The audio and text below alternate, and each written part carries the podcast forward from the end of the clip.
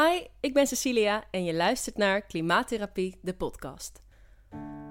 Een paar maanden geleden vaarde ik een tijdje mee op een schip vol met klimaatactivisten. Van de een op de andere dag werd ik bewust gemaakt van hoe het er precies voor staat met de aarde. En daar raakte ik op z'n zachtst gezegd nogal van in paniek. Ik maakte een mini-docu over wat ik had meegemaakt aan boord en ik dacht nogal alleen te zijn met mijn grote zorgen om de aarde, maar na het lanceren van die video bleek dat ik helemaal niet de enige was. De gevolgen van de klimaatcrisis worden steeds zichtbaarder. Je kunt geen krant meer openslaan zonder erover te lezen. Het is duidelijk dat de ernst van de situatie bij steeds meer mensen doordringt.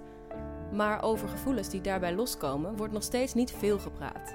Rouw om een veranderende wereld, angst voor wat er komen gaat en machteloosheid omdat het probleem zoveel groter is dan wij zelf. Hoe moet je je verhouden tot zoiets groots als de klimaatcrisis?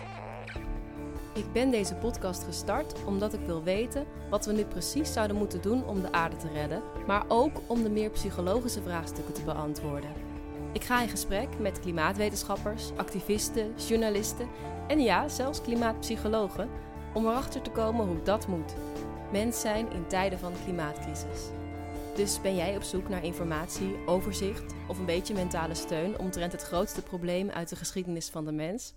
Je luistert naar Klimaattherapie, de podcast.